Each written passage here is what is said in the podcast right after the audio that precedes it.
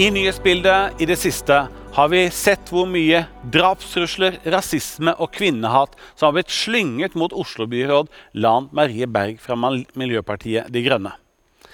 I april vedtok SVs landsmøte at kvinners rett til selvbestemt abort skulle gjelde helt til grensen for levedyktighet på fosteret, dvs. Si uke 22. I en blokk i Oslo bor det en ensom eldre dame som er syk, men hun har ikke noe sosialt nettverk. I klassen til en ung gutt er det en kamerat som kommer hver dag gående til skolen med tydelige tegn på klart omsorgssvikt. På jobben din er det en kollega som sprer falske rykter om deg. Og i et svakt øyeblikk tok du et svært dårlig valg, men det er det ingen som vet om. I dag skal vi snakke om Bibelen og hvordan vi som disipler og etterfølgere av Jesus skal lese dem. Jeg ramset nettopp opp en blanding av reelle situasjoner og konstruerte historier. Sier Bibelen noe om slike saker? Sier det noe om hvordan jeg som kristen skal forholde meg til noe av dette? Mener Gud noe om dette? Mitt svar er at ja, det gjør den faktisk. Kritikken mot kristendommen og dermed Bibelen er noen ganger at den ikke er relevant for det livet som jeg lever i min hverdag.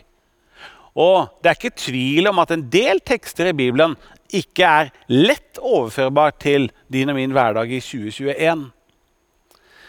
Det kan være lett å bruke Bibelens vanskeligste tekster som et argument for å legge boken til side. Som å si at det er så mye der jeg ikke forstår, så det er ikke noe vits i å lese den. Mark Twain er ofte blitt sitert på disse ordene. Det kan se ut som om folk flest sliter med de avsnittene i Bibelen de ikke forstår. Mens jeg, jeg har innsett at de avsnittene i Bibelen som jeg sliter mest med, ja, det er de avsnittene jeg faktisk forstår. For de utfordrer livet mitt.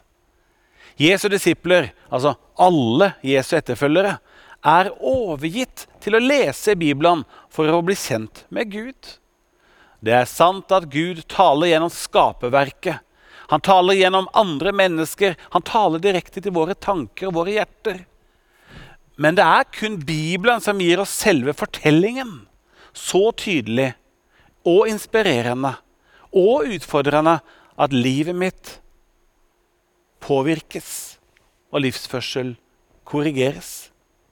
Bibelen det er boken Gud har skrevet om seg selv seg selv og oss. Bibelen har to hovedpersoner. Det er Gud, og så er det deg. Og Som kirke løfter vi Bibelen høyt. Og selv om det både er ting med den vi syns er utfordrende, uforståelig og til og med irrelevant for den tiden vi lever, så tar vi den inn til hjertet vårt, og vi hegner om den. Hvorfor? Rett og slett fordi troverdigheten til Bibelen er uløselig vevd sammen med troverdigheten til Jesus. Det er gjennom Bibelen vi kjenner Jesus, og det er gjennom kjennskapet til Jesus at vi forstår Bibelen. Og når Kirken slutter å lese Bibelen, da begynner troen og håpet å svekkes og slokne. Ord. Ord kan forandre liv. Den 2,1 eh, mil lange Genesaretsjøen den var fiskerik og rundt sjøen lå det flere små byer. En av dem het Kapernaum. Her bodde fiskeren Simon sammen med kona si og svigermor. Broren hans Andreas han bodde også her. Og De to brødrene de hadde begge Genesaretsjøen som sin arbeidsplass. Simon han var impulsiv. Han var frittalende. Og det er vel ikke helt feil å si at denne fargerike fiskeren ofte tok litt mye plass Jesus sa senere om han, da du var ung, da bandt du beltet om deg og gikk dit du selv ville. Det er jo selve definisjonen på å være egenrådig. Men lite ante Simon at store deler av verden skulle kjenne hans navn og hans livsfortelling over 2000 år etter hans død. Hva var det som forandret Simon til å bli Peter, som var navnet han fikk av Jesus? Hva var det som forandret Simon til å bli denne urokkelige klippen i den aller første kirkens tid? Simon han var så menneskelig. Han var sånn som mange av oss. Han kunne begeistres, han skrøyt, han, han tapte, han fornekta, og han gråt. Men Jesus han så den varmhjertede og høyreiste Peter. Ja, Han så den høyreiste Peter lenge før Simon så ham i seg selv. Og med kjærlighetens øyne så Jesus Simon og elsket ham. Han advarte ham til tider, korrigerte ham også, viste ham tillit. Og han tillot til og med at han mislyktes, og han reddet ham når han trengte det. Simon opplevde seire, men også mange nederlag og personlige ydmykelser. Men da Simon var lengst nede, og en annen av de tolv nærmeste disiplene til Jesus, altså Judas, i selvforakt og anger hadde tatt sitt eget liv, da er det nettopp ord som redder Simon. Og hør hva ord kan gjøre. Først fikk han høre Jesus si til ham, 'Simon, Kom og følg meg. Det ble en ny start i livet til Simon. Men senere skammen, angeren og selvforakten pinte Peter. Og da han fikk høre at Jesus hadde blitt torturert, korsfesta, begravet, da ble det nattsvart for Simon. Så kom kvinnene redde tilbake fra Jesu grav og sa at den var tom. De sa at det satt en ung mann der inne, i den tomme graven. Han var kledd i en lang, hvit kjortel. Og ordene denne her unge mannen sa, det var 'Vær ikke forferdet'. Dere leter etter Jesus fra Nasaret, den korsfestede. Han, han er stått opp. Han er ikke her. Se, der er stedet hvor de la han. Men, men gå og si til disiplene hans og til Peter at han går i forveien for dere til Galilea. Der skal dere få se han slik som han sa dere. Men Simon klarte ikke helt å tro på disse vettskremte kvinnene. Man tror om ikke allikevel ordene hadde begynt å spire. Og Så kommer denne vakre hendelsen ved stranda ved sjøen. Det var tredje gangen Jesus viste seg for dem etter at han sto opp fra de døde. En hel natts arbeidsøkt på sjøen. Ikke én eneste fisk.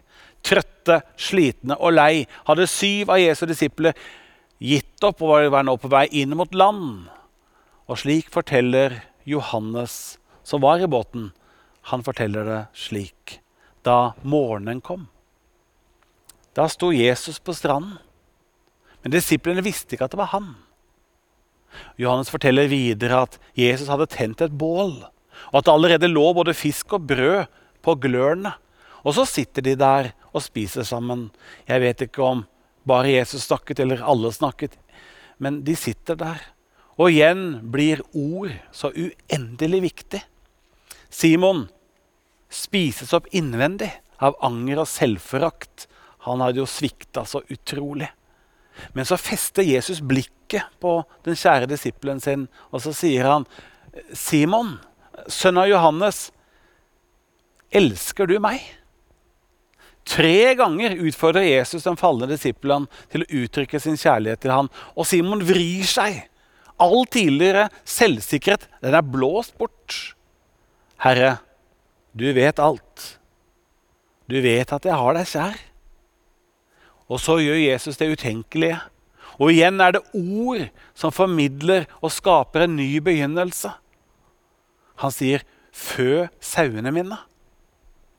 Da du var ung, Simon, da bandt du beltet om deg og gikk dit du selv ville. Men når du blir gammel, da skal du strekke ut hendene dine, og en annen skal binde om deg og føre deg dit du ikke vil.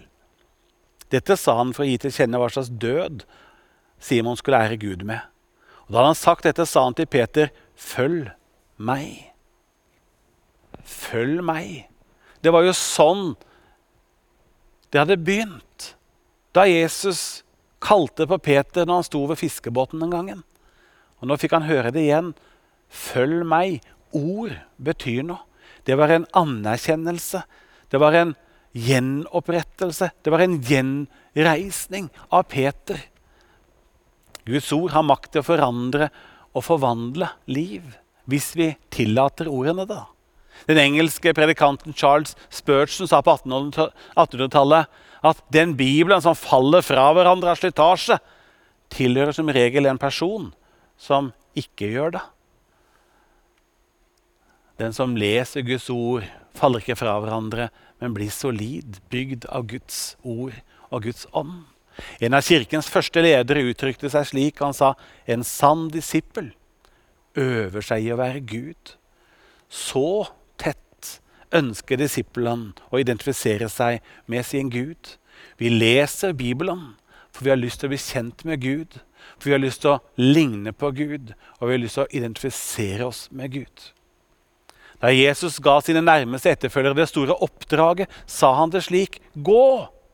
Gjør alle folkeslag til disipler. Døp dem og lær dem. Og Den første kirkes forståelse av begrepet disippel det er nok litt annerledes enn kanskje det vi tenker i dag. I vår akademiske verden har vi en tendens til å betone kunnskap, mens den første kirke i større grad tenkte liv og handling. På en måte kan man si at disiplens mål ikke dypest sett handler om å lære noe, men å leve noe. Selv om de to tingene selvfølgelig ikke motvirker hverandre, men er med og beriker hverandre. Jesu disipler lyttet ikke bare til ordene han sa, men de studerte og etterfulgte livet han levde. Og hos Jesus var det jo samsvar mellom ordene han sa, og livet han levde. Det er min bønn for mitt liv, at det også skal være i større grad enn det allerede er. En av de viktigste oppgavene til en rabbi, en åndelig lærer i Israel på den tiden, det var å overlevere den muntlige tradisjonen videre til sine elever og etterfølgere, altså disiplene. Og ved memorering skulle disiplene lære seg å kunne resitere hundrevis av bud og forskrifter uten at noe gikk tapt. Og Det var denne tradisjonen Jesus tok sine disipler inn i da han underviste dem og folket. De tolv disiplene hans skulle lære seg utenat hans undervisning, slik at de ble bærere av Jesus-tradisjonen i dens ekthet og originalitet. Og så ble jo dette med tiden skrevet ned, og slik delt med hele verden. Men faren er jo at det som var memorert og levd ut gjennom Jesu etterfølgere, nå kunne bli redusert til ord på et papir mer enn ord i handling. Vi har mange bibler, men for mange av oss er sannheten at de leses ikke. Jeg vil ikke trykke på må, skal eller bør-knappen i dag.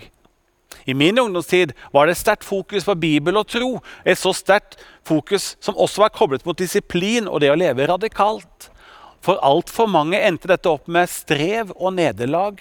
Og både Bibelen og ønsket om å leve radikalt for Jesus ble lagt på hylla av mange.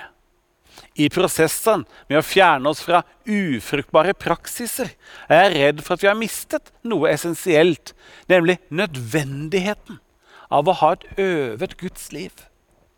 Hvorfor skal jeg lese Bibelen? Jo, for Bibelen er boken for dem som er nysgjerrig på Gud.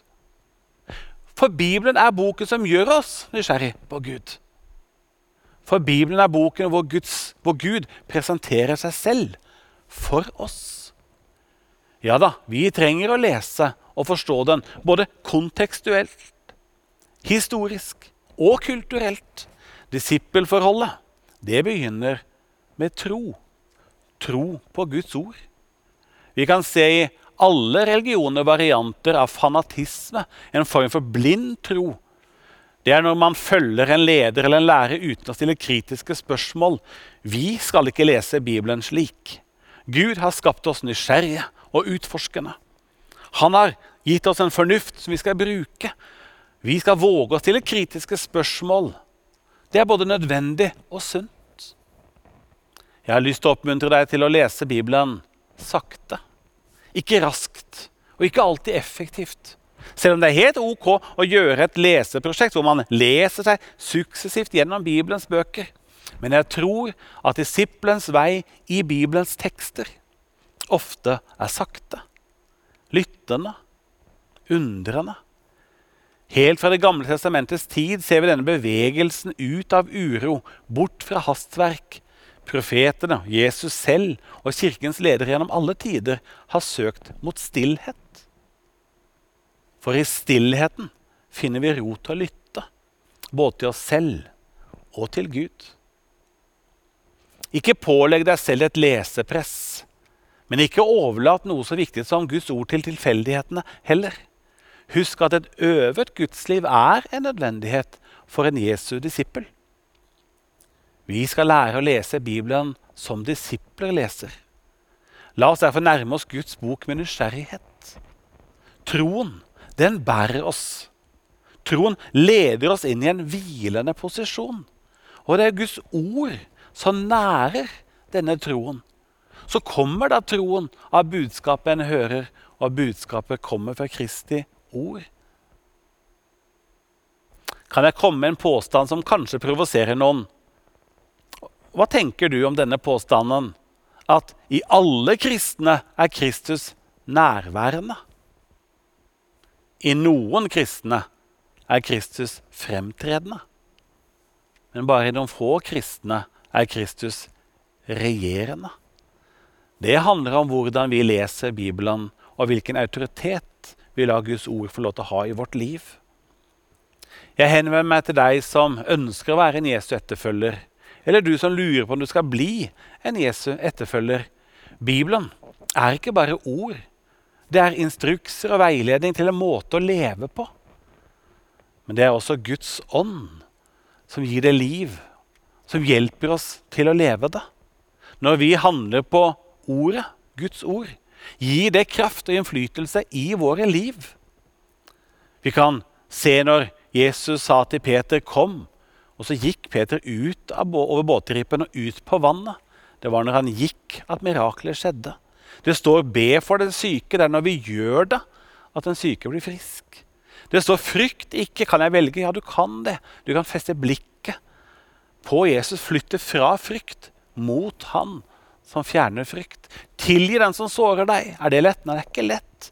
Men ved at du begynner å konsentrere fokuset ditt på å velsigne og tilgi, så er du i gang med en prosess. Det handler om å sette ordet ut i praksis. Bekjenn dine synder. Gjør det. Elsk din neste som deg selv. Vær ikke bekymret. Følg meg. Bær den svake. Del med andre. Velsign. Ta hver tanke til fange. Under lydighet til Kristi ord. Baktal ikke. Lyv ikke. Del evangeliet med de andre. Gi tienden din til Guds hus. La alle disse ordene være som såkorn. Og De har i seg selv potensial til å spire og vokse, men de kan også bli liggende pent som innpakket i en sekk på låven. Men de kan også i ditt hode bli liggende like uvirksom hvis ikke du og jeg bærer det ut i frukt, i handling. Disiplen leser kanskje sakte, men gir ved troens ord tid til å slå røtter og forme et liv. Hvis dere blir i mitt ord, er dere virkelig mine disipler, sa Jesus. Da skal dere kjenne sannheten, og sannheten den skal gjøre dere fri. Hvordan i all verden blir vi i Jesu ord? La meg dele noen konkrete tanker om hvordan du og jeg kan bli i Jesu ord i vår hverdagslige etterfølgelse av Jesus. Punkt 1. Disippelen søker stadig å lytte til Jesu ord. Det kan bety noe så enkelt som å memorere en bibelfortelling, en sannhet eller et løfte fra Bibelen. Men det kan også tillitsfullt handle om å be en bønn. Gud, gi meg visdom og hjelp til å følge ditt eksempel i dag. Punkt 2. Disiplenes søker å stadig lære av Jesus. Det kan handle om den målrettede nysgjerrigheten å bli bedre kjent med Gud, eller øve oss å gjøre det Jesus ville ha gjort, som å gjøre gode gjerninger eller velsigne eller gi til noen som trenger det. Bibelen gir oss disse forbildene og denne veiledningen. Punkt tre. Disippelen søker å trenge inn i de sannhetene som ligger gjemt inni Guds ord. Definisjonen på en døgnflue er at du leser den én gang og legger den bort. Bibelen er ikke en døgnflue.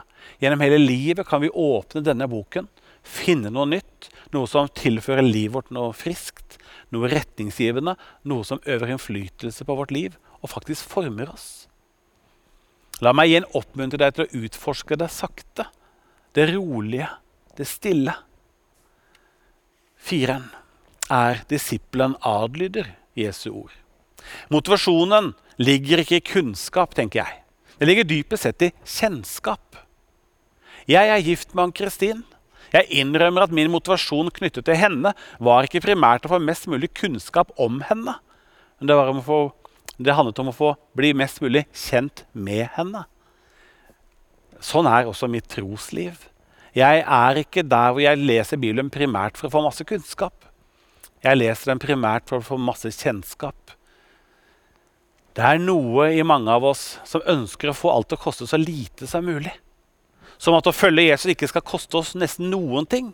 At Guds godhet og nåde den vever oss inn i et tykt lag med bomull som gjør at vår etterfølgelse av Jesus den er kostnadsfri og den er smertefri. Men sånn er ikke virkeligheten. Virkeligheten er at tusenvis av kristne i dag er på flukt. Risikerer sitt liv for sin tros skyld. Og disiplene leser ikke bare løftene. Nei, disiplene leser også oppdragene. Disiplene forstår at premisset for etterfølgelse av Jesus handler også om en oppriktig underordning under både læreren og læren. Å etterfølge forutsetter handling i lydighet til Guds vilje. Og når vi leser som disipler, leser vi Bibelen som en primærkilde for å bli kjent med Guds vilje. Jesus snakket om kors i to perspektiv. Det ene var at han, han, tok vårt kors. Det var altså Han identifiserte seg med oss. Det skjedde på Golgata da han ble til synd for oss.